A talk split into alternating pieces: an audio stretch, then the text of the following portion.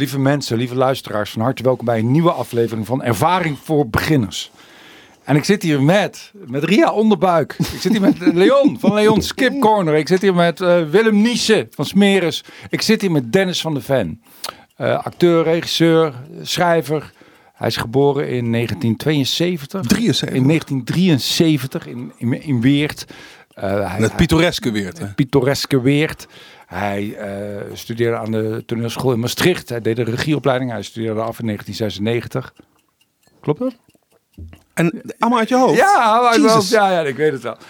Um, hij... Uh, hij uh, ik ben echt serieus van de indruk. hij, werd, hij raakte bevriend met Jeroen van Koningsbrug. Het werd zijn beste vriend en zijn uh, culturele compagnon. Ze, ze maakten draadstaal.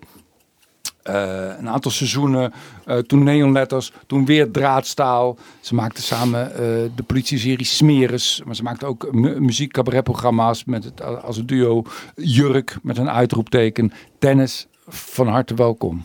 Ja. Weet je wat ik zo leuk vind, is dat er zijn natuurlijk ook heel veel kinderen van bekende Nederlanders die dan ook weer bekende Nederlanders worden en dat soort dingen gaan doen. Jou, jou uh, je bent opgegroeid in Swalmen, in een klein, heel klein dorpje in, in, in Limburg. Je ouders hadden een snackbar. Het niet helemaal logisch om dan uh, acteur te worden. Hoe kun je iets zeggen over hoe dat gegaan is, doordat je op die toneelschool terecht kwam? Ja, dus eigenlijk is dat verstrekt misgelopen, omdat ik met totaal verkeerde gronden uiteindelijk in Maastricht op de toneelschool kwam.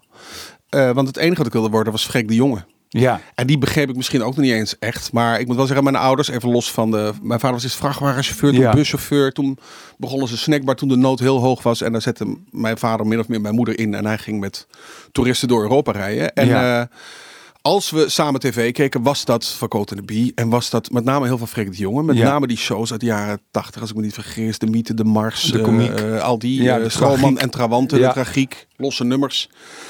Ik was daar zo van onder de indruk uh, dat ik dacht, dat wil ik worden. Niet wetend wat dan precies. En toen dacht ik, ik moet naar een toneelschool. En uh, dat, dat, dat vonden mijn ouders overigens wel een heel goed idee. Die, zagen, die hadden twee oudere zoons gezien die al lichtelijk ontspoorden. Dus ik had wel een plan. Dus daarom mocht ik. Toen ging ik naar Amsterdam. Daar ben ik linea recta weer naar huis gestuurd. Ja. En toen ging ik naar Maastricht. Uh, en eigenlijk is daar ook een soort toeval dat ik dat gehaald heb. Ik weet alleen wel nog, ik liep dat gebouw binnen en ik dacht, iets voelt hier heel goed.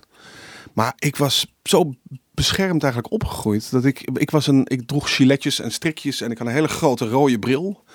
En zo kwam ik op die toneelschool, dus die moeten ook gedacht hebben. Ik zat in het jaar, maar bijvoorbeeld Vetja van Uwet en die was op zijn negentiende al een man. Ja. En ik was, ik weet niet, ja, ik kwam daar binnen lopen als een kuiken en ik heb die auditie gedaan.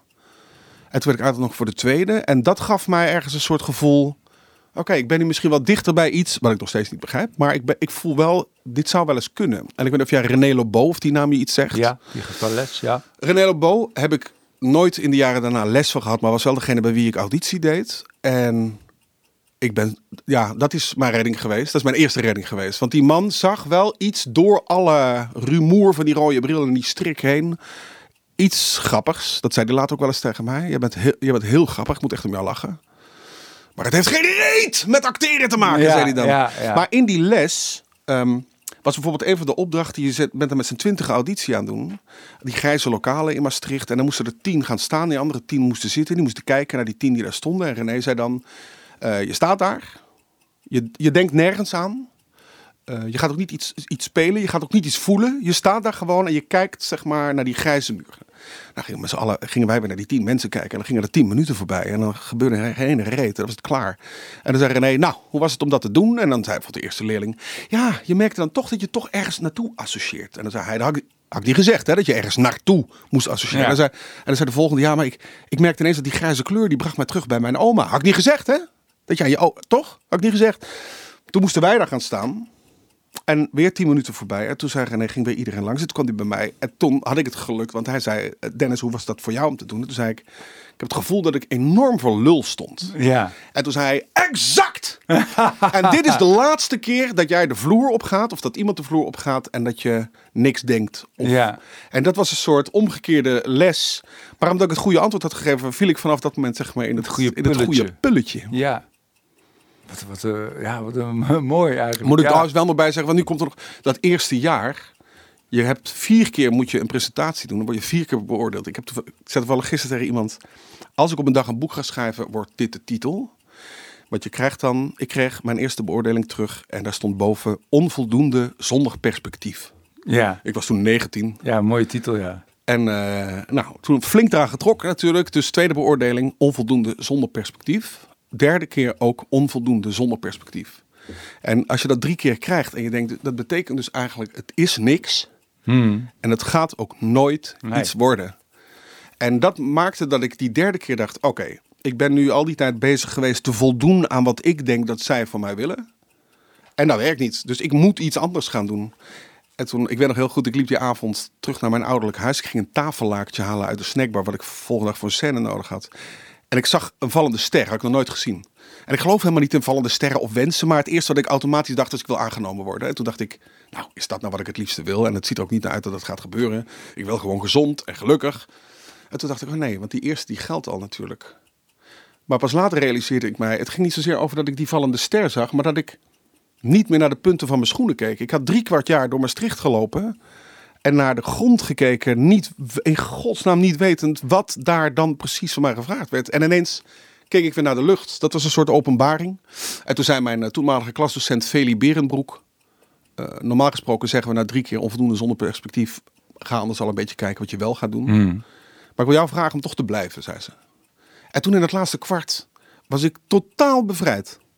Alles anders. En uiteindelijk zijn er zes mensen uit mijn klas toch naar huis moeten gaan, eh, terwijl die voldoende stonden. Maar die waren steeds, in, zeker toen in Maastricht, die dachten ik heb een voldoende. Dus op zich doe ik het goed. Dus ik moet niks anders doen dan Ja. wat ik nu doe. Dus die Oh, wat een steeds... stressjaar is dit. Ja. Kunt het mensen toch bijna niet aandoen, zo'n Nee, zo'n nou, jaar. En dan helemaal aan het eind. Dat is nu veranderd. Je moet ontspannen. Want dat is eigenlijk wat, ze tegen je, wat, je- wat, ze- wat er tegen je geschreeuwd wordt. Ja. En aan het eind was dat in ons jaar nog zo dat je dan eh, een laatste presentatie had. En dan eh, zeiden ze vanavond om half tien beoordelingen. Dan gaan we horen wie er wel en niet doorgaan. En dan komen om half tien al die mensen naar die kantine. En dan komt er één docent naar beneden en iedereen in paniek. En die docent zei dan, jongens, we zijn er nog niet uit. Het wordt een uurtje later. Nou, mensen naar de tribunaal, de stamkroeg van de toneelschool, drinken, drinken. Uiteindelijk kregen we volgens mij om half twee s'nachts die uitslag. En dan gaan al die docenten naast elkaar op een stoel zitten. En per klas ging je naar boven, zit je naast elkaar, handen vasthouden. Angst, paniek, tranen. Mensen dronken, dus veel te emotioneel. Ja. En dan was het, eh, die en die gaat niet door naar de vakfase. Die en die gaat niet door. En achter elkaar zag ik mijn klasgenoten. Oh. En ik heb wel gehoord dat ik was, door was. Maar het deed me niks. Omdat ik dacht, wat is dit voor slachting en waarom? ja. En daar hebben wij toen als klas ook wel een punt van gemaakt. Dat je denkt, dit hoeft niet zo... Want ontleent Het is een daar, school. ontleent ze daar ook een soort van genot aan, toch, die Nou, leraren? ik zal je zeggen, zonder twijfel. Ja. Het was een soort. Kijk, sowieso. Hè, word je naar boven geroepen. En dan stonden de mensen ook uit het tweede, derde, vierde jaar. in die hal heel hard te klappen. Dat was een marmeren hal. Dus dat klaterde alle kanten Ja. op. En je raakte helemaal opgefokt. En dan, en, dan, en dan drie minuten later stond iedereen buiten. en was de helft van je klas geëlimineerd. En dat je denkt, dit hoeft allemaal niet zo theatraal. Het is gewoon een school. Je mag, Ja. hebt gewoon vier jaar eh, een school of niet. En dan moet je naar huis. Dat kan ook morgenochtend om tien uur. Ja, Na een goede boterham met kaas. ja. Hey, en die, dat naar boven kijken, van je schoenpunten naar boven, is dat, is dat simpel gezegd, is dat het, de realisatie dat je er mag zijn? Of is dat te sentimenteel Eh, uitgedrukt? Ja, maar dat zou dan bijna betekenen dat, je, dat er iets heel bewust gebeurde. Pas Ja. later heb ik dat zo kunnen zien. En eigenlijk is dat ook prettiger. Dat dus blijkbaar vanuit je onbewustzijn er iets open ging. Hmm. Ik weet nog dat ik ook tegen een docent had gezegd, mijn bewegingsdocent. eh, ik zei op een gegeven moment, dus na die drie keer onvoldoende zonder perspectief, zei ik: Ik heb het idee dat jij niet meer echt met mij werkt. En toen zei hij: Ik heb het idee dat jij ook zoiets hebt van: laat mij maar. Hmm. En toen zei ik: Maar het is jouw taak als docent om mij iets te leren, zelfs als ik het niet wil. Dus als jij mij nu niks leert in de rest van dit jaar, dan ga ik of mijn collegegeld terugvragen of ik klaar. Zo'n soort. En dat je Ja. denkt: waar komt die tekst vandaan? Maar het was veel meer: ik heb nog een kwart. Zij hebben het antwoord al, namelijk dit is niet voor jou. Nu moet ik mezelf ook nog overtuigen van dit is voor goed niks voor jou. Want dan moet ik Nederlands gaan studeren of eh, de advocatuur eh, in. Hmm. En daar vond ik iets. Maar goed, dat moment blijft, ik weet niet hoe dat voor jou werkt. Zo'n moment blijft wel terugkomen, toch? Gedurende je, je carrière. Wa- Wat voor momenten? Nou, dat je opnieuw even kan twijfelen en, Ja. en weer even te veel in jezelf keert en weer even iets moet vinden om een open blik te krijgen. Zeker, maar volgens mij is dat ook eh, helemaal niet verkeerd. Om, dat, Nee, nee, nee. om, om tussen dat, die zelfverzekerdheid en die, en die onzekerheid te, te, te bivakeren soms. Toen ging je naar het tweede jaar en... Want in het eerste jaar zit alles nog bij elkaar, toch? Van of Ja, je... door elkaar heen. Eh, dan moet je, in die tijd moest je nog zelf aangeven voor welke richting je beoordeeld wilde worden. Ja, Ehm, en ik, ik ging daar dus eigenlijk naartoe om Freek de Jonge te worden. Ik kwam er wel ook al achter. Was overigens ook wel heel goed, want ik was de hele tijd eh, vervelend grappig, zeg maar. Over Ja. alles een beetje bij de hand lopen doen. Dus ik realiseerde me wel toen ik daar zat. Ik krijg hier een stukje serieusheid mee die ik volgens mij wel nodig heb. En gaandeweg dat eerste jaar kwam ik er ook achter. Ik bepaal liever mee wat we gaan doen dan dat ik de de, hoe ze, ze zeggen wel eens dat heilige moeten bij acteurs. Ja. Ik moet spelen, want als ik Ja. speel, dan ben ik. ja, Dat had ik helemaal niet. Ik ken dat hele heilige moeten eigenlijk niet. Maar wel dat je mee bedenkt, het stuk moet daar en daar over gaan. En dat en dat moet erin en een decor bedenken enzovoort. Dus ik heb mij toen laten beoordelen op docent drama in plaats van op eh, acteur. En eh, En hoe ging het toen? na, na het eerste jaar, toen je mocht blijven, de, de- nou, laat ik zeggen, hielp dat, ontspande dat iets in jou? Of kon je Het het toen zo, makkelijker ja, ja. leren? Eh, nee, dat zeker. Tegelijkertijd, eh, ik hoorde laatst volgens mij Maria Goos iets vertellen over Leo Maassen. Diezelfde docent heb ik ook gehad. En daar moesten wij dan eigenlijk leren eh, niet te verdwijnen in je eigen spel. Stel je moet lesgeven aan kinderen, dan kun je iets spelen. Maar je moet altijd je ogen open houden om te kijken hoe komt dat aan bij die kinderen. Wat richt ik aan in de zaal, zeg maar. Ja, En ik verdween gewoon altijd in wat ik deed. Ik had niet een soort supervisie over wat ik aan het, aan het doen geen was. helikopterview. Nee, en, en Leo vond mij wel grappig. Maar die zei op een gegeven moment tegen mij... Dennis, jij bent dus grappig. En nu moet je leren hoe en op welke momenten je die, ga- die humor gaat inzetten. Hmm. Ja, dat, vond ik, Doseren. dat vond ik verschrikkelijk. Er Ja. is niet zo erg als ineens op alle momenten van jezelf te voelen... oh, nu doe ik dit en dat doe ik daarom en nu doe ik Ja, dat. een soort hyperbewustzijn. Ja, dat was het tweede jaar. Dat vond ik eigenlijk verschrikkelijk. Ja. Maar verschrikkelijk op een manier waarvan je wel weet... hier moet je doorheen ja. om, om ergens boven weer te komen. En ehm, tegelijkertijd, want dat was ook zo leuk aan die docent. Hij gaf soms een opdracht en dan voldeed ik weer niet aan de opdracht. Maar hij moest wel altijd huilen om mij. En mijn klas werd langzaam ook pissig op mij. Want ze dachten, Jesus Christ, hij houdt zich gewoon niet aan de opdracht. En dan zei Leo weer, ja, het is niet de opdracht, maar... Als dit in het theater zou zijn, ik zou zo 25 euro voor dingen tellen. Ja. En dan zag je ook mijn klas weer wegzakken. Maar bijvoorbeeld decors verzinnen. Dat, dat is wel echt in mijn hoofd opengegaan. Dat die, die lokale, de zwarte gordijnen. En dan, en dan kocht ik 20 appels. En die hing ik dan aan zwarte touwtjes. Zo voor die gordijnen. Dat je de boom zag zonder dat hij er was. Ja, en dan ging die man weer huilen. En Ja. dat was wekelijks raak. Maar het heeft heel lang geduurd voordat ik daar echt het echt ging begrijpen. En, maar wel een tweede jaar, denk ik. en wat was dat dan? Dat het en begrijpen? Waar, waar, gaan- waar hebben we het dan over? Ja, dat heeft dus eigenlijk te maken met ehm, eh, niet, niet te denken dat als jij iets voelt, dat het de zalen dan voelt. Of dat als jij iets eh, speelt, ehm, eh, hoe meer jij erin verdwijnt, hoe meer eh, je ook de connectie verliest. Ja. En dat waren wat dingen. Ik ging er dan vol in. En het, ik weet niet of je dat kent, maar soms als je een theatervoorstelling speelde bijvoorbeeld, dan en je dacht, zo, ik zit er lekker in. Zodra je dat op dat moment aan het registreren bent, ben je er eigenlijk ook weer uit. Ja. En dan hoor je achteraf een regisseur of zo zeggen, nou, dit was het helemaal niet. Dus, dus, dus ik vond het heel lastig om een, soort supervisie te krijgen over wat je aan het doen bent. Maar dat is er zo langzaam doorheen gecijpeld. Kan me nog steeds gebeuren trouwens hoor. Dat ik ineens gewoon... Dan sta ik een scène te spelen en dan zie ik hem later terug. denk ik, wat de fuck was ik aan het denken hier? Ja, maar het is, het is wel interessant in hoeverre je, als je zeg maar, het, toneelpersonage zou zien als een, maar, een, nou ja, Pauline Cornelis zijn het ooit zo mooi, als een, als een soort huisdier waar je voor moet zorgen. Je, je talent of je, je, je theaterpersona. Van in welke mate je dat diertje moet temmen of juist ook Ja. wild moet laten zijn. Want dat is ook zo mooi Ja, om naar te kijken. Om, en om dat te aanschouwen. En om dat, is vitaal te houden. Dat is best een moeilijke balans. En een moeilijke, moeilijke dressuuroefening eigenlijk. nou, hè? volgens mij is dat ook een rekensom die niet absoluut is. Dus daar is niet een altijd geldend antwoord op. Nee, nee. Dat is een organisch proces. Wat, Ja, en wat daarbij altijd nog- maar doorgaat. Ja, want bij, bij, bij film heb ik dat. Ah, ik weet nog goed dat we bij Smeris een scène aan het opnemen waren met de regisseur Erik de Bruin. ja. En die vroeg mij voor. Dus op dat moment in het verhaal had ik een jongen op het kamp doodgeschoten. Dat was de- mijn eerste dodelijke schot als agent. Hmm. Maar daar liep ook nog een onderzoek bij dat gezin. Dus ik moest naar die familie toe, terwijl daar die dode die ik heb eh, veroorzaakt opgebaard ligt. En Erik de Bruin zegt voor die scène tegen mij: Van de Ven, wat heb je, eh, heb je bedacht? En ik merk dan, ik, ah, dan denk ik, ah, laat maar maar rust man, dat zie je toch dadelijk. Dus ik zeg, nou Ja. Erik, dat ga je zo wel zien. En ik ga die scène spelen, dus ik moet een kamer inlopen. Er staat familie, die kijken me allemaal aan, want die weten, ik heb het gedaan waarschijnlijk. Daar ligt een dode jongen, ik ga daarbij staan bij die kist, ga ik hem wel of niet?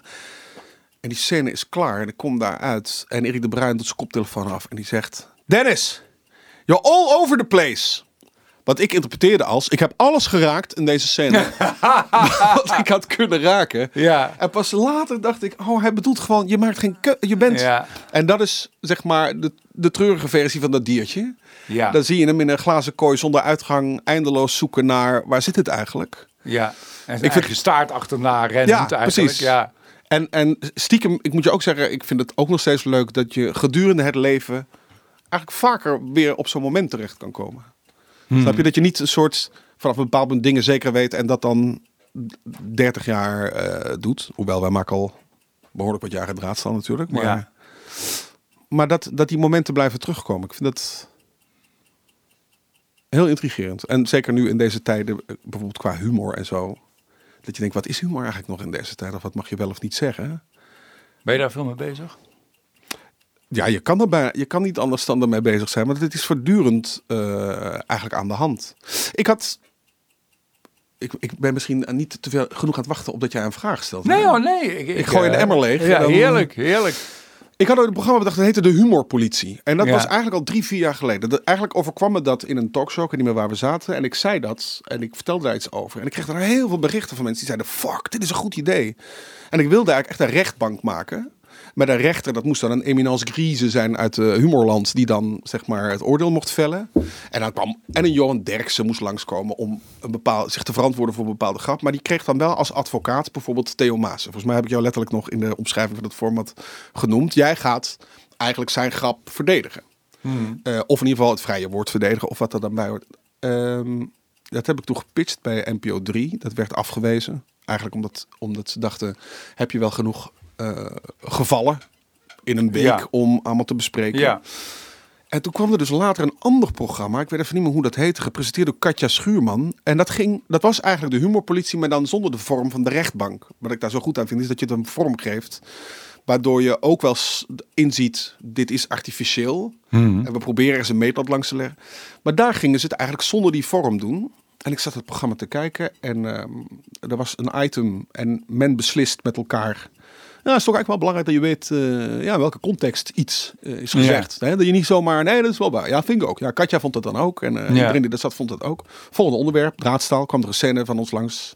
Uit, oh nee, uit neonletters toen nog. Ik zal hem niet herhalen nu, want dan hebben we, is, zijn de rapen weer gaar. Maar dat was, een, dat was een grap met een bepaald woord. En daar was 10 seconden materiaal uitgeknipt. Dat werd getoond. En die vijf mensen die vlak daarvoor hadden gezegd... ja, maar je moet wel dingen in een context zien... waren Ja. dat eigenlijk 10 seconden later vergeten. En toen werden wij daar gefileerd op een grap... waarvan ik dacht, niemand heeft die scène gezien. Niemand heeft de serie van die scènes gezien. Alles wat je er aan kritiek nu oplevert... zit eigenlijk precies in die scène, maar dan andersom. Maar er is bijna geen, geen tijd meer. Er wordt... Er wordt alsof iedereen aan het wachten is. Wanneer kan je iemand voor zijn bek slaan of eh, laten struikelen? Heb je, eh, nou, ik weet niet of jij daar ook zo in staat. Maar dat- ik vind eigenlijk, eigenlijk vind ik de, de je had ooit in, in de Volkskrant, ik, hoe heet hij nou? Die had ook zo'n zo'n terugkerende een stukje elke week en dan vroeg hij aan iemand, mowen met cartoons wel of niet? En ik vind dat die vraag, ik vind die vraag zelfs al fout. Ja. Ik vind dat die vraag niet eens gesteld Nee. mag worden, omdat je dan zoveel ruimte geeft aan mensen die vinden dat dat niet oké is. En eigenlijk vind ik dat met humor ook. Van, ik, ik beantwoord die vraag niet. Van, van kunnen, kun je overal grappen over maken? Ja, Van, ik, ik, wil die vraag niet eens. Ik vind de, de vraag vind ik, vind ik al fout. ja, maar eh, daar zou sowieso een vraag voor horen. Omdat je eigenlijk je moet afvragen, wat, wat is de functie of wat is humor nou eigenlijk? En dat is toch een soort smeermiddel om soms dingen bespreekbaar te maken of zoiets dergelijks. Hè? Ik weet niet hoe je het zou, ja, hoe is je het zou veel, het zijn heel veel dingen. Dat is het ook. Maar ik kom er dan ook achter dat, dat ik, was, ik was in Toemler en volgens mij Patrick Laurij was het optreden. En ik, eh, en ik mag ook heel graag naar het publiek kijken. Gewoon Ja. hoe reageren mensen. En hij heeft hier en daar best wat pittige grappen. Ook ten aanzien van vrouwen bijvoorbeeld. En Mhm. links zat een tafel van vijf vrouwen. Nou ja, dat is bij Toemler toen nog volgens mij. Je ging eerst een hapje eten. Dan zijn er allemaal Ja. drankjes in. En dan, maar goed, Patrick ging goed. En je kijkt naar die tafel en er zitten vijf vrouwen. Vier lachen en eentje zie ik een beetje zuurig om zich heen kijken. En die stoot op een gegeven moment ook iemand aan. En dat is een vrouw, die was nog aan het lachen. Die kijkt naar haar vriendin en die stopt met lachen. En dat vind ik op zich al opmerkelijk, toch? Want lachen is ook een soort schrikreactie of een soort... Spontaan, ja, impulsief. En, en blijkbaar stopt diegene met lachen omdat iemand anders... En die vrouw kreeg het voor elkaar om binnen, denk ik, vijf minuten tijd... lachte geen van die vrouwen meer. Hmm. Zij was blijkbaar de hoofdvrouw van, van De dit roedel. Ja. En die ging eigenlijk de andere even duidelijk maken. Hier lachen wij niet om. ja.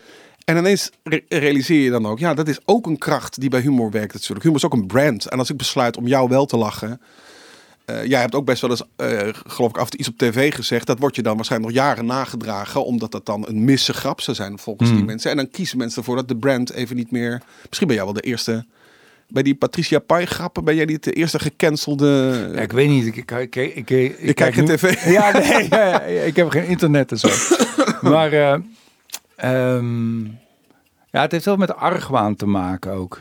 Dat, dat er, je zou ook vertrouwen kunnen hebben in een comedian dat hij daar. Ja, ja maar dat, daar, is, daar gaat het eigenlijk aan mis, toch? Dat heeft Ricky Gervais ook ergens in een show. Ja. Dat, dat het publiek eigenlijk niet weet... Een deel van het, groot deel van het publiek weet eigenlijk niet zo goed waar ze naar zitten te kijken.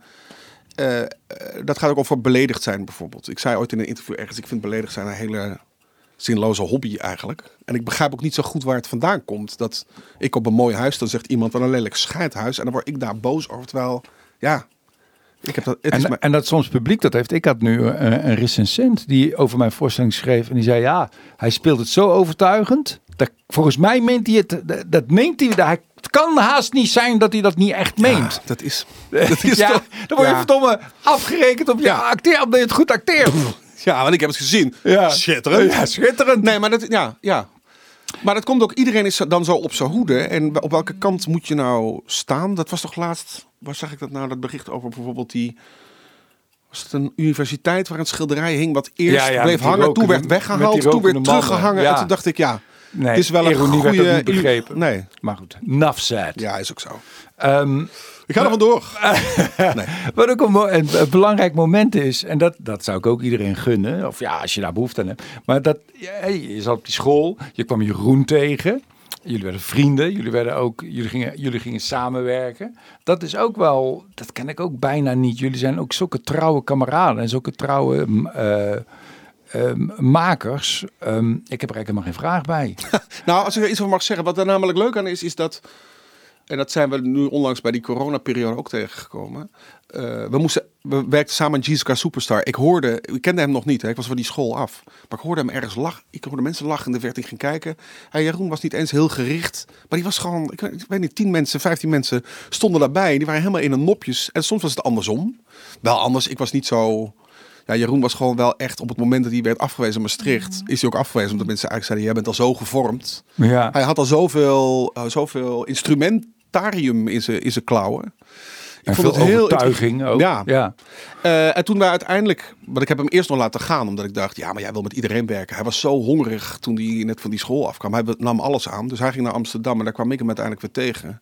Toen besloten we samen mee te gaan doen aan kameretten.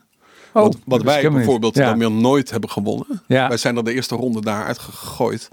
Het was wel geweldig trouwens, die, eh, die, die dag. Maar ehm, toen hebben wij wel afgesproken twee dingen. Eén is, wij gaan tot ons zeventigste leuke dingen met elkaar doen. Het is eigenlijk gewoon een hele goede afspraak. Want je komt wel eens in, in stormen terecht. Ja. En dan weet je, ja, maar goed, die afspraak ligt er. Ja. En het tweede was ehm, dat, ik, dat, dat ik ook op een gegeven moment tegen hem zei... we hoeven niet in elkaar te veranderen. Hè. Soms denken mensen dat je dan de hele tijd... eh, over alles hetzelfde moet denken. Hmm. En dat hoort op de een of andere manier toch, als je als het duo de vloer op gaat, dan ga je namelijk samen eigenlijk een soort van dezelfde boodschap brengen. Maar wij hebben gelukkig wel een vorm gevonden waarbij we het soms ook helemaal niet met elkaar eens kunnen zijn. Maar dat dat dan allebei een kracht is in de scène of in het lied of in het moment. Waardoor je als duo denk ik ook langer door kan. Dus we nemen... Zijn er dingen waar je, je jaloers op bent? Wat je Bij zou- Jeroen? Ja. eh, ja, veel. Dat hij jou heeft als partner en jij moet het met hem doen. nee, nee, nee. nee, maar, nee maar zoals laatst, toen eh, hadden we het even over acteren. eh, en dat ik, toen had ik het wel eens over dat heilige moeten. En ik zei, ja, ik, ik kan er niks aan doen. Ik ken dat. Kijk, ik vind acteren eigenlijk nog steeds heel ongemakkelijk ook. En het is ook een beetje aanstellerij. En het is ijdel. En, en Jeroen, eh, die zei toen, ja, maar ik denk altijd als ik iets ga spelen... Hè, en het staat morgen op de agenda, dan, dan neem ik mij voor, ik kan dit heel goed. Ja, En dan gaat hij ervoor. ja. Ik kan ook wel eens een scène spelen waarvan ik denk... Ik kan dit op zich niet zo goed, maar goed. We hebben Ja. afgesproken dat ik hem ga doen. Ja. En dan kan ik ook bijna blij zijn als een scène erop staat. Ja. Sommige mensen willen in dat moment blijven. En die zijn dan... En ik vertoon dan soms vluchtgedrag. En ook aan de voorkant. Hè, toen wij ooit... We hebben als vaste personages de boeren. Hmm. Zo lazen een krantenartikel over dierenporno. En dat zelfs het maken of het in het bezit hebben van dierenporno strafbaar werd. En ik had alleen maar bedacht dat er een scène uit voortkwam. waarbij die boeren zoiets hadden van... Ja, maar wat houden we dan nog over eigenlijk? Ja, Snap je? ja, we hebben de varkenspest en de kippengriep en weet ik wat. En die dieren vinden dat ook echt allemaal helemaal niet vervelend eigenlijk. Nee. En, en we gaan ons voor het eerst gaan we die personages doen. Dus ik doe overal aan en ik, mijn haar wordt getoupeerd en ik krijg een baard. En ik ga zo'n beetje stilletjes in de griem. Zo'n beetje zo proberen eh, de stem zo ook een beetje zo kunnen zeggen.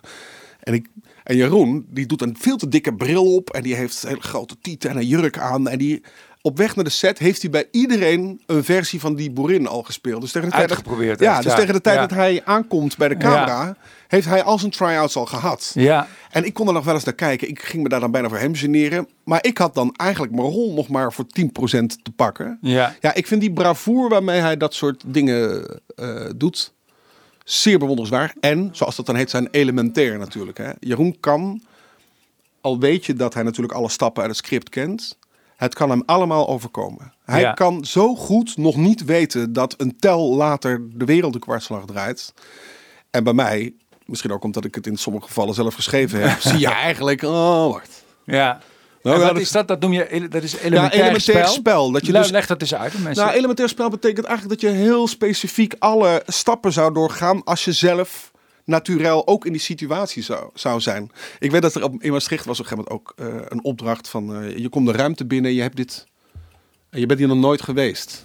Ja, het grappige is ook omdat je erover gaat nadenken. Als je ziet wat mensen allemaal gaan spelen, ja. wat niets te maken heeft met het elementaire spel. Van je doet de ruimte open. Ja, waar zou je dan als eerste naar kijken? En Ja. waar loop je naartoe? En ben je op je gemak of niet? Dus Er zijn zoveel andere vragen. Maar mensen gaan heel erg uitvergroten. Ja. Zie mij eens naar deze ruimte Alle hoeken kijken. en gaten, terwijl je dat Ja. dit echt helemaal niet doet. En Jeroen heeft zelfs toen één keer, geloof ik, nog een docent wel, nou ja, getackeld.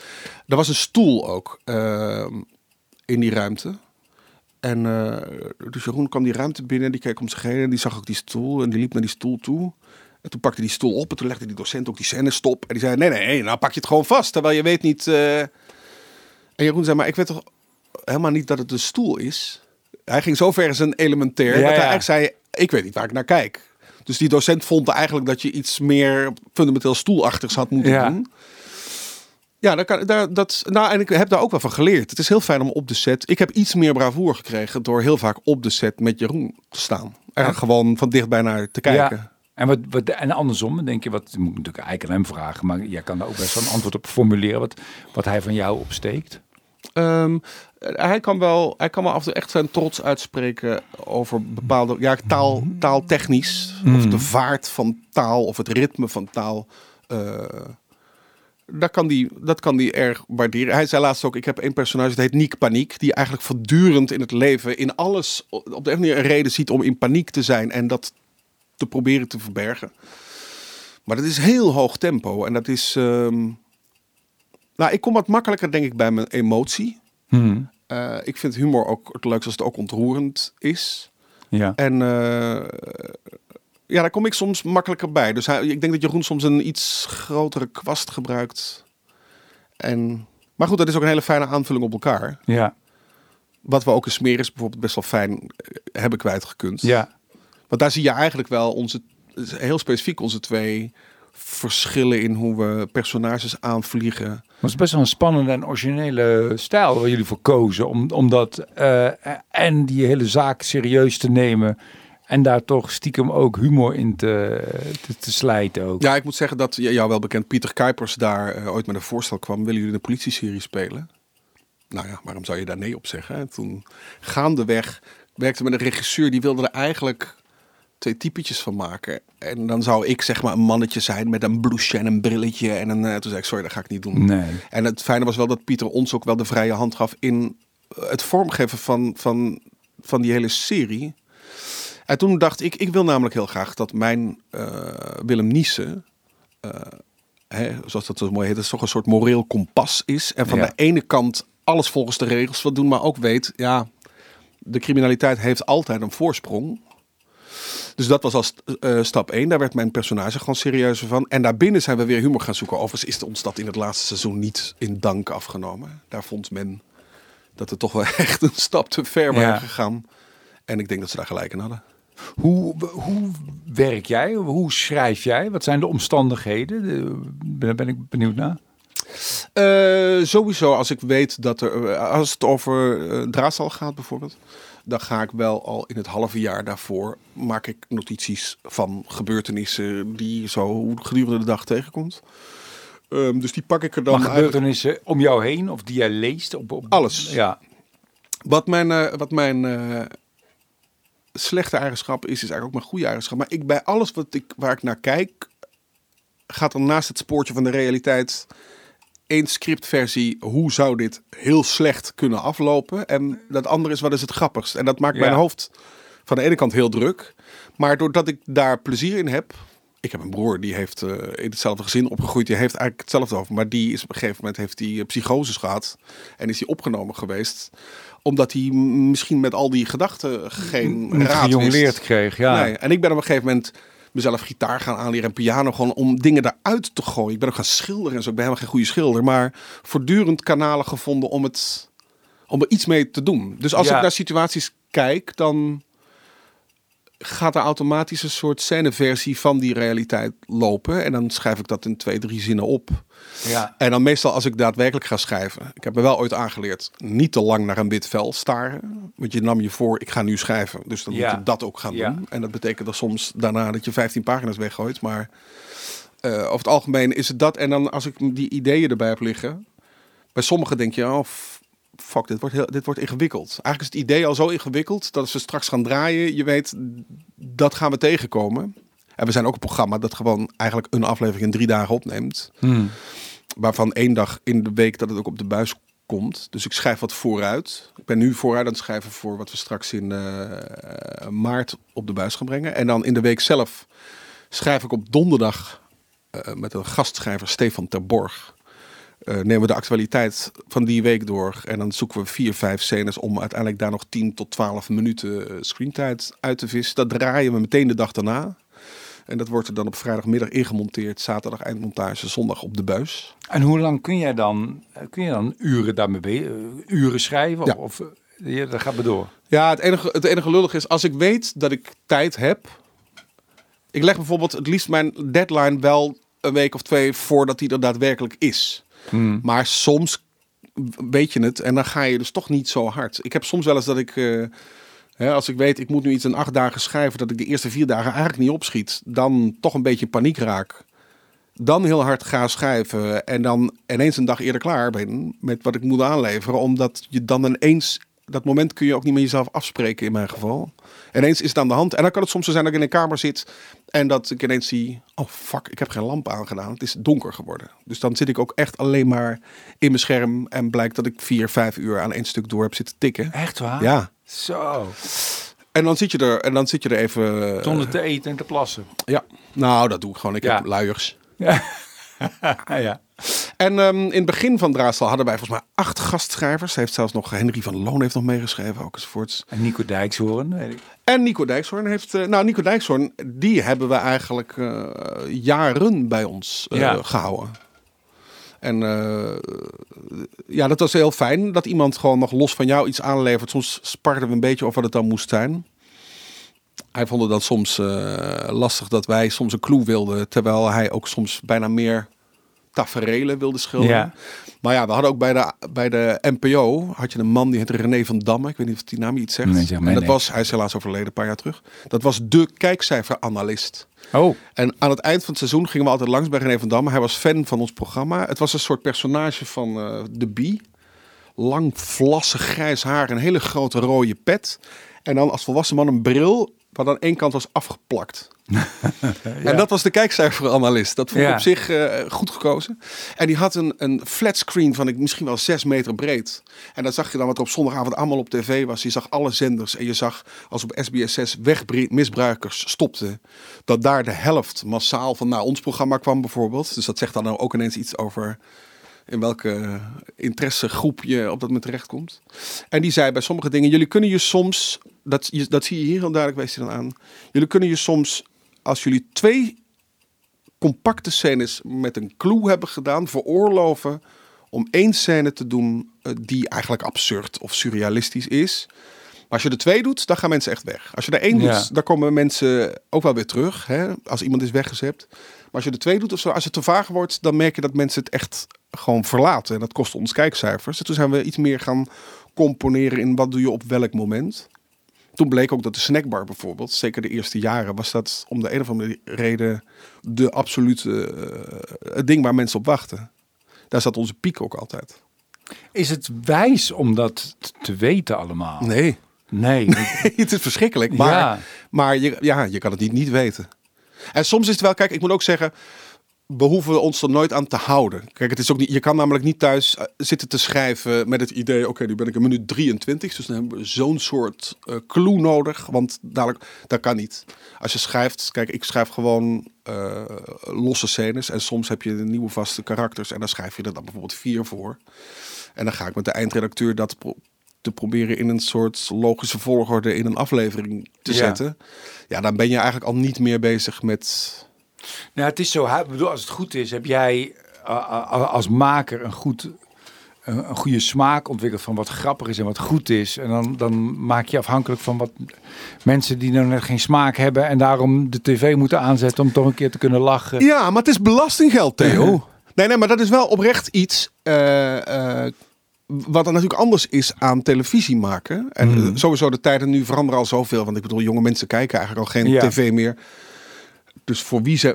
Ik weet dat op een gegeven moment iemand van de omroep te- zei. wel een leuk seizoen, dit seizoen. Een beetje die jongere doelgroep in de gaten houden. Toen dacht ik, ja, Ja. hoe ja. werkt dat als ik achter mijn schrijftafel... Ga ik Ja. dan een andere grap Ja. opschrijven? Yo! Of een andere... Ja. Ja. Nou ja, en dat is ook zoiets. Een tijd lang speelden wij allebei nog wel eens... als we een scène hadden over twee jongens die aan het gamen waren. En toen op een gegeven moment waren we dat aan het doen. Ik zei, sorry, Ja. ik vind dit... En ik denk ook niet dat als je een jongere bent... en je kijkt hiernaar Nee, dat je denkt... wat hilarisch Ja. dit. Het is verschrikkelijk. Maar ja, in die zin is de vraag, eh, vind ik wel spannend eigenlijk van, want jij wilde ooit Freek de Jonge worden, van is dat, is dat gelukt? Zeker niet. nee, nee, nee, nee, zeker niet. Ja. Nee, en wat dat betreft is wel grappig dat, dat mijn oom werkte ooit in de Schouwburg in Haarlem. En eh, ik was denk ik 12 jaar. En dan moet je als Limburgse jongen, eh, je doet eerst word je gedoopt, dan doe je de communie en Je dan vormsel. het vormsel. Ja. En dat bleek op dezelfde dag te vallen als de kaartjes die ik had voor een show van Freek de Jonge waar ik naartoe zou mogen. Toen zeiden mijn ouders, nou, dan mag je zelf kiezen. Wil je het vormsel doen? En toen dacht ik, ja, dan hoef ik dat hele vormsel niet. Ik wil Nee. Freek de Jonge. En dan moet ik zeggen, want dit is zo magisch. Dus dan woont je, dan is je, je oom is de portier van de Schouwburg in Haarlem. Ja. Dus ik loop met hem dat theater binnen, eerst de Mooi lampen theater aan. ook, ja. Ja, maar dus eerst dat, dat hockey met het kantoortje waar hij dan zat. En dan door het theater en dan langs de kleedkamers. Op een gegeven moment liep ik daar. Want dit was de mm, bedevaart ook nog eens een keer. Dus ik ging niet mijn vormsel doen, maar ik ging wel naar de bedevaart. Ja, ja. En ik liep daar vanuit de coulissen, 12 jaar.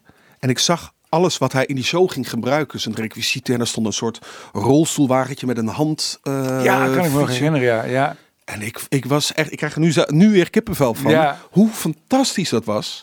En toen zat ik in die zaal en na afloop mocht ik natuurlijk ook op dat toneel. En Freek had nog wel eens de neiging om dan soms, dat sloeg hij de hand voor zijn mond en dan vielen zijn tanden er zogenaamd uit. Waren kiezelsteentjes. Die ben ik zelfs nog gaan oprapen op het Ja. toneel en in een boterhamzakje gaan doen. Daarna mocht ik met hem op de foto. En toen tien jaar later, vijftien jaar later, ik kwam hem weer tegen bij de VPRO. Ik zag hem daar zitten en ik ging naar hem toe.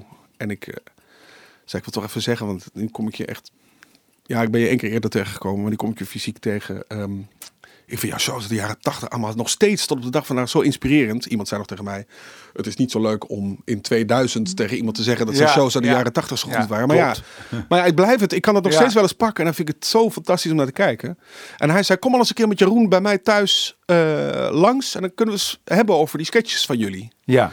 Dus Jeroen en ik daar naartoe. Oh jee, spannend, ja. En eh, in de auto stonden we daar. En op een gegeven moment, we waren iets te vroeg. En ik weet niet waarom Freek de Jong wel eens af en toe vertelt dat hij nog wel eens een wipje maakt met Hella. Ja. Maar op dat moment, wij waren daar te vroeg. En ik dacht, stel je voor dat hij nu een wipje ligt te maken. Met, wij kunnen niet aanbellen nu. Dus je moet hij maar we zeggen, want dan bel je toch aan. En dan komt hij, nou goed. En terwijl we zaten te wachten in de auto, was, ging Freek naar een vuilniszak wegbrengen. Dus die zag ineens ons met z'n tweeën daar voor zijn huis in de auto zitten. En dacht, waarom komen jullie in godsnaam niet? Ja. Toen gingen we naar binnen. Toen gingen we samen, we hadden een paar scènes uitgekozen. Dus die klikte die aan op zijn computer. Maar hij zei alleen maar iets van, ja, ja, kan, ja, dat kan. Je zou ook kunnen. En het werd een heel gekke situatie eigenlijk. Mm. En toen ineens was dat ook afgelopen. Toen zei hij: Spelen jullie golf? Eh, nee. Kom mee. Gingen we zijn tuin in. Daar heeft hij een afslagplaats om een golfbal te slaan. Nou, dat mocht Jeroen een keer doen.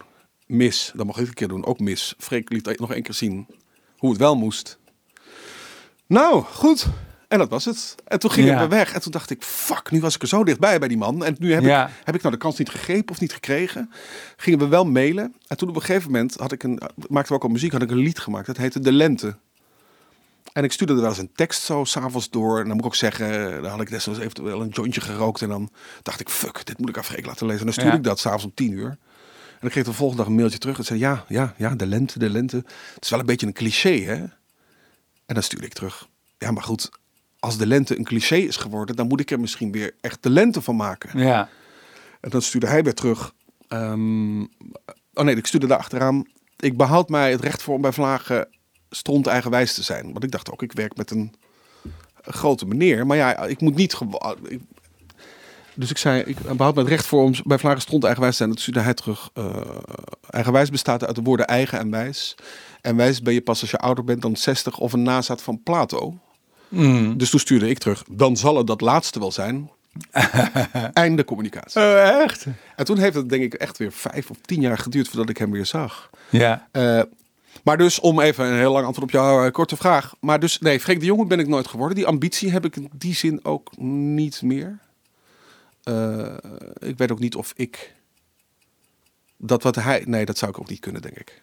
Ik ben niet de man. Ik ben denk ik niet de man die avondvullend, eh, zoals jij dat doet, bijvoorbeeld anderhalf, twee uur lang de kar trekt en de motor is. Dat zou ik. Maar wat wil je wel? En Soms, soms merk ik ook wel, ik heb wat, eh, ook wat interviews zo met je gelezen, dan, lijkt het ook een beetje, en dat is helemaal prima, dat je ook, dat je, soms lijkt het een beetje alsof je al lang blij bent met wat je nu aan het doen bent en dat je een, een, een eh, fijn leven hebt en, en, en leuke creatieve dingen kan doen.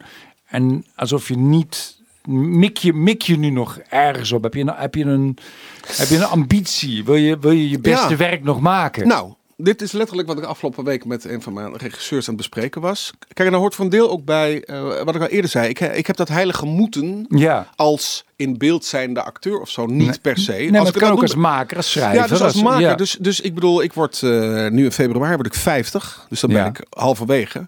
En dan dat tweede deel zou ik me wel kunnen voorstellen dat ik eigenlijk veel meer wat ik besloot op de toneelschool. Namelijk, ik wil die maker zijn. Ik wil mee bepalen wat we gaan doen en hoe het eruit gaat zien. En daar de woorden aan geven. En eh, ik ben eigenlijk regisseur. Ik ging ook op een gegeven moment meespelen in onze sketches. Omdat ik het had geschreven. Zei iemand, maar wil je dat niet zelf spelen? En toen dacht ik, ja prima. Goed, ja, als ik het dan toch ben. Ik vind dat je dat ook super goed doet. Ja, maar in het begin was dat supergoed wel- vrouwen spelen ook, eh, ook opvallend. ja, vind ik echt. Ja.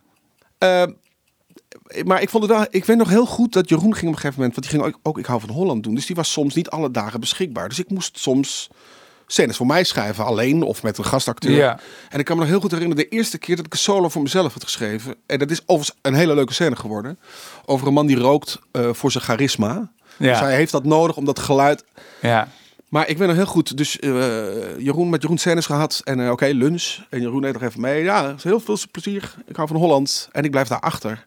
En ik word omgeturnd tot die man die die scène speelt. En ik zit in een stoel. En ik kijk ineens aan die kant naar die camera. De cameravrouw, regisseur, iemand van de griem. eh, twee mensen van het licht. En daar staan 10, 15 mensen. En ineens voel ik... Fuck, ik moet dit... Ik moet het hier nu alleen doen. En aan Ja. het eind moet dat dan lachen zijn. Ja. Ja, dat vond ik de eerste keer echt verschrikkelijk. Ja. En, eh, en ik moet je ook zeggen, want jij zei over die vrouwen spelen. Wat wij doen bij First Dates. En sorry, en wat, Oh, sorry. on- wat ontbreekt er dan? Is er dan een soort, soort zelf, is dat dan zelfvertrouwen? Van dat het wel goed komt?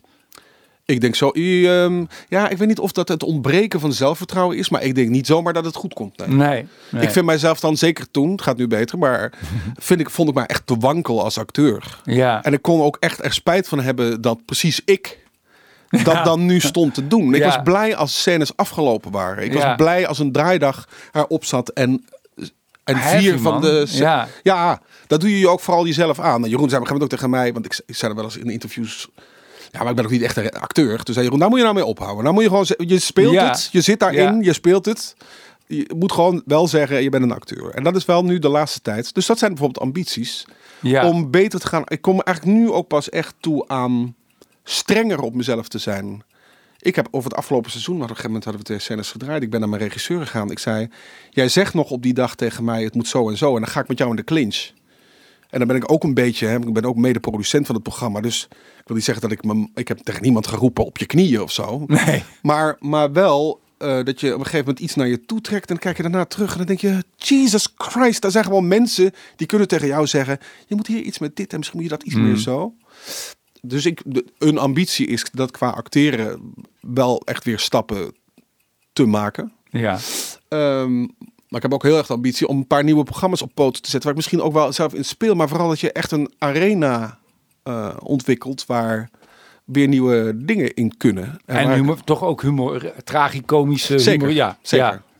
Ja, en ik moet zeggen, Pieter Kuipers zei ooit tegen mij... we hadden een rit van Amsterdam naar Maastricht. We gingen naar Jeroen. Ik heb 2,5 uur over mijn eh, jeugd verteld. En Pieter Ja. zei daarna... Ja, dit kan gewoon integraal. Ik, zei, ik, heb, ik weet, het is een heel tragisch verhaal, zei Pieter. Maar ik heb zo gelachen. ja. En ik weet ook, want het stom is, ik, dat kan ik niet zomaar opschrijven. Want dan wordt het ineens, voelt het ineens heel privé. Maar als ik daar niemand vertel, kan ik echt over mijn jeugddingen vertellen. Waarvan ik weet, dat is ook waar mijn humor vandaan komt. Als ik, je- als ik er niet om kan lachen, dan is het heel verdrietig.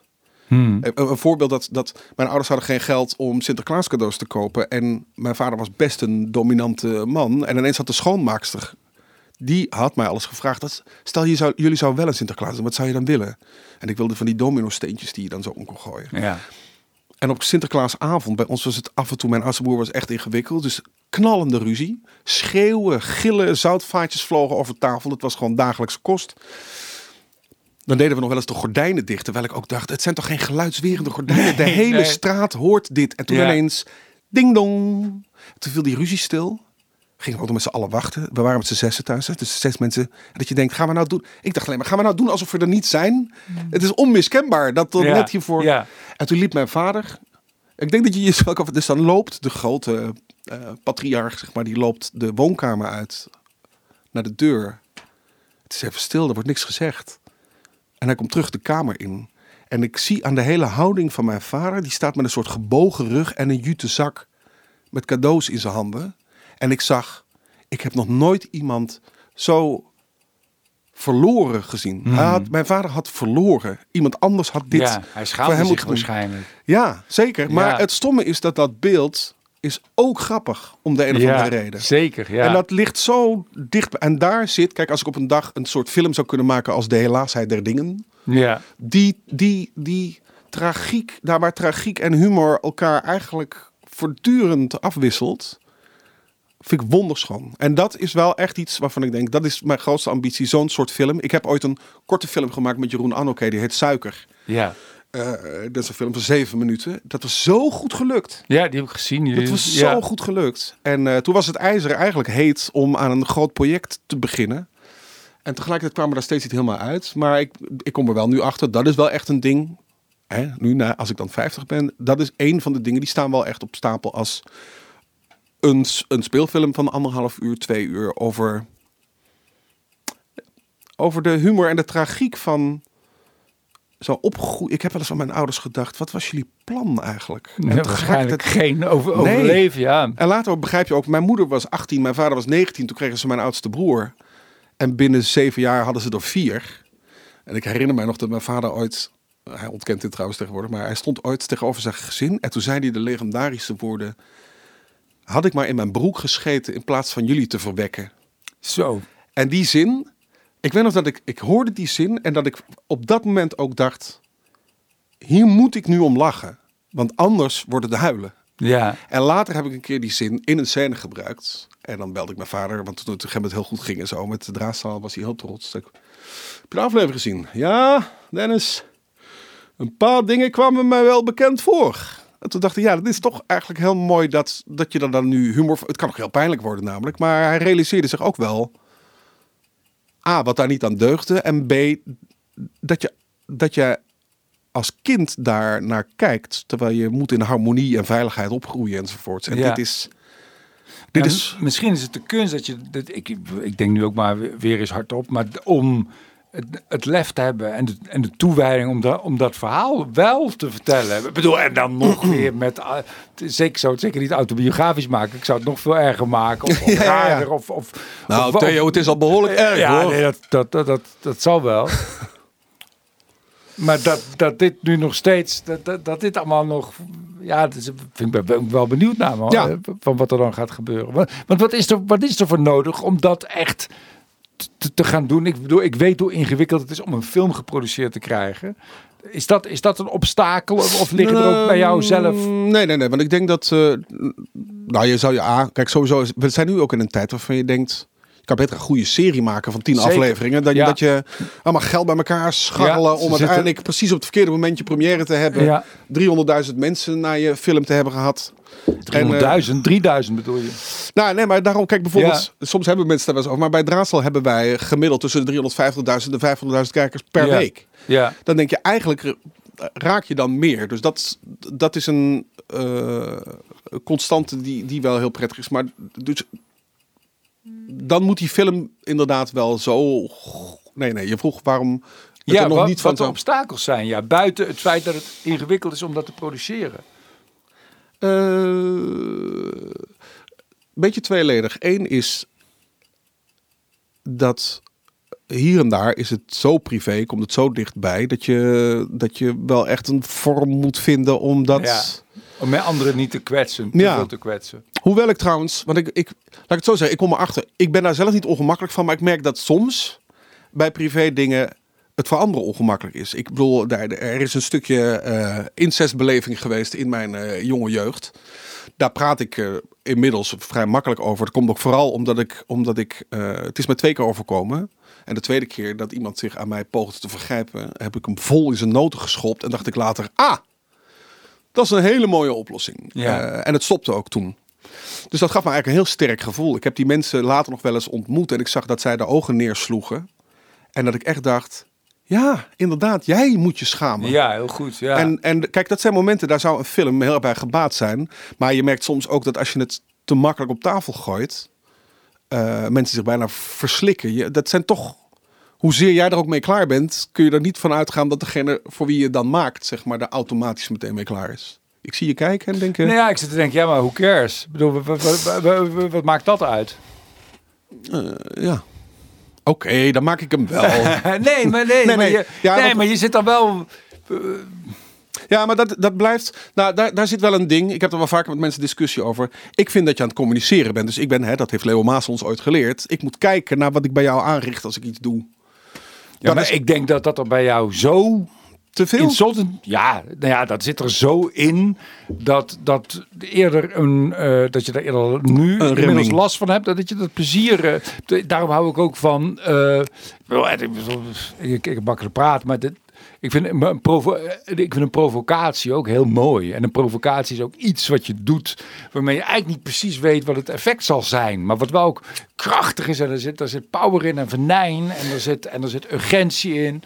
En ja, wat, Nee, er, wat er vervolgens mee gebeurt, dat is ook een beetje out of your hands. Als je daar de hele tijd controle over wil hebben, dan, dan hè, en rekening Nou, maar met... wacht even. Nee, Theo, want, want controle over hebben is in die zin dan misschien iets anders dan zor- zorgvuldigheid. Mhm. En ik snap, ik snap wat je zegt hoor. Ik bedoel, ik herken dat je dan denkt, ja, je kan ook te zorgvuldig zijn en zo. Maar ik, ik, ik merk dat dat waarschijnlijk dan blijkbaar gewoon een drang is bij mij. Dat het woord provoceren. Ik ben niet bang trouwens om te provoceren. Maar het is geen.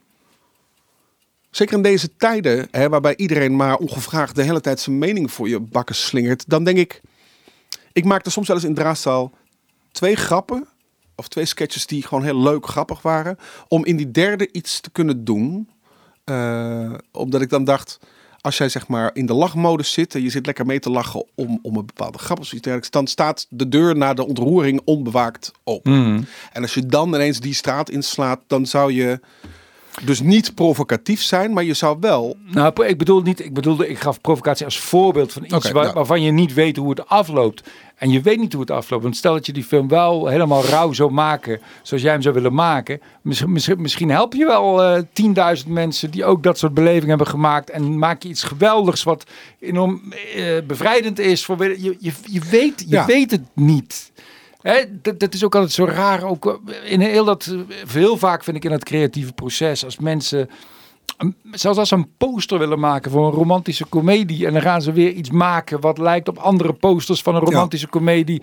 En hij wordt goed omdat Herman Vinkers erin speelt. En die heeft een leuk scenario gespeeld, eh, gemaakt. Maar dat heeft niks te maken met die, met die Ja. posters. En ze, dit, nobody knows. En, en waarschijnlijk overschatten we dat heel erg. eh, van dat, dat, dat we weten van wat er zal gebeuren. Of wat, wat het effect zal zijn. En soms geval, ik heb de neiging bij jou om dat te stimuleren, blijkbaar. Om, om, om dat, dat meer los te laten. Van dat je weet van hoe, hè, dat, dat hele precieze componeren. Je weet het niet precies, Dennis. Nee, je weet het niet, maar daarmee zeg je ook, je weet het dus niet. Nee. Dat, Dus het is aan nee. de andere kant ook dat als eh, eh, dingen zo persoonlijk zijn eh, en, en ook heel grappig, dat ik dan dus eerder inderdaad het niet in je bek zou smeren, maar daar zo rustig misschien. Dat, nou, ik ga er nog eens over nadenken. Nee, ja, nee. Natuurlijk moet je daar een goede vorm voor vinden en zo. Bedoel, de, de- ja. Nee, maar even een ander voorbeeld. Mijn moeder luistert deze podcast toch niet. Kijk, er zijn. er- nee, nee, maar er zijn dingen. Wij hadden vroeger een snackbar. Daar stonden twee gokkasten in. Daar kwamen mensen. En überhaupt dat hele fenomeen hè, van mensen die daar dan eindeloos knaken in bleven Ja. gooien. Ergens in hun hoofd dachten. Nu heb ik er zoveel knaken in gegooid. Nu moet hij wel gaan geven. Ja. En dat gebeurt dan niet. Want dat ding staat daar twee maanden. En in die twee maanden moet hij van iedere gulden. eh een kwartje eh, uitbetalen aan de klant. Een Ja. kwartje gaat naar mijn moeder. En 50 cent gaat naar degene van wie Ja. en soms wist mijn moeder, nu staat hij bijna op geven. Mijn moeder is dat wel, want ik moest iedere avond moest ik beneden zo'n klep open doen. Maakte ik notities van die nummertjes die daar stonden. En dan wist mijn moeder, oké, volgende week wordt dat ding opgehaald. Hij staat nu zover, dus dit is... Dus dan trok ze s'avonds om 10, eh, 11 uur, trok ze dat ding al uit. Dan ging de zaak dicht, stak ze hem er weer in. Dan stond ik de snackbar schoon te maken. En dan ging mijn moeder daar zelf kraken in gooien. ja. En mensen die gokken, als je dan je gooit er twee knaken in, je wint 200 eh, gulden. Dat is eigenlijk heel vervelend, want je ging ervoor staan om eens even lekker. Ja. Dus die mensen nemen dat geld dan niet mee. Dus mijn moeder, eh, dat viel dan onderin en dan haalde ze het beneden weer uit. En dan gooiden ze het erboven eh, Ja. weer in. En soms ging het zover dat ze dat dan ook de dag daarna waren wij dicht. En dan stond ik 's ochtends op en dan dacht ik, waarom hoor ik niks? En dan liep ik door, de, door het huis, liep ik naar beneden, naar de snackbar. En dit beeld, dus dat moet in die film. Dan deed ik de deur naar de snackbar open en dan stond mijn moeder nog in haar slaapjapon. In het licht van die kersen en die bellen van die gokkast. Dus de snackbar was dan verder donker. En dan stond ze in het licht van die snackbar een, he- een hele dag daar weer munten te gooien. Godverdomme, als je gaat deze film maken, dan ben ik helemaal klaar mee. Dit is een schitterende scène. Ja, Dit is de, de, de, de, jouw avonden. Dit Ik is, heb overigens is wel- een coming of age. schitterende dit- coming of age dit film. moet ik wel vertellen. Ik klaar nou. Ik, Nee, ja, ik maak hem. Nog één. Ik wil alleen nog vertellen. Eh, ik heb toen ooit in Draadstaal, eh, er was crisis. En toen had ik een, heb ik een scène geschreven van een, van een oud vrouwtje. Die eh, naar de, dus in een gokhal is. Die gooit daar dan een knaak in. En die betaalt meteen weer uit. En die vertelt ondertussen aan de kijker. Het is crisis, dus... maar dan kan ik toch het spelletje spelen zonder Ja. dat ik er... En toen zat ik op een dag zat ik thuis. Eh, de Wereld Draait Door begon. André van Duin was de gast. En eh, Matthijs, eh, Matthijs van Nieuwkerk. en moet je dan zeggen nu of niet? Hè? Matthijs Oh van- ja, ja, ja. Ehm, nee, Matthijs die zegt tegen, tegen André. en is er, is er, zie je ook wel eens iets waar je dan jaloers op bent of zo? En toen zei hij, ja, ik heb één scène gezien en daarvan dacht ik wel, die had ik willen schrijven. En ik zit dus thuis op de bank en André zegt dat en die scène wordt ingestart. En ik denk dat ik drie minuten, ik denk dat ik, ik weet niet meer of het koud of warm had, maar ik was zo overdonderd. En dat is het ook wel, hè? Als jij zegt, soms ben, soms ben je blij eh, dat het tot hier gekomen is, misschien. Daar zit voor een deel wel wat in. Ik Ja. heb het idee, eigenlijk had ik die toneelschool, ik ging al naar de verkeerde plek. Ik was onvoldoende zonder perspectief. Meteen stoppen ook. Nee joh, helemaal niet. Nee, vertel gewoon door. Ehm, dus ik heb ook wel eens het idee gehad, ik wilde ergens naartoe en dat je zo onder water ergens door moet zwemmen om dan ergens te komen. En daar is het dan.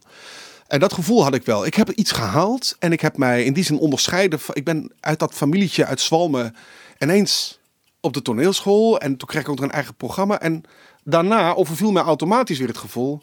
Oh, wacht even, maar al deze mensen die hier zijn, die hebben dit niet gehad. En die willen ook wel. Het spel stopt hier niet. Nee. Het spel gaat altijd door. Ik had eigenlijk het idee.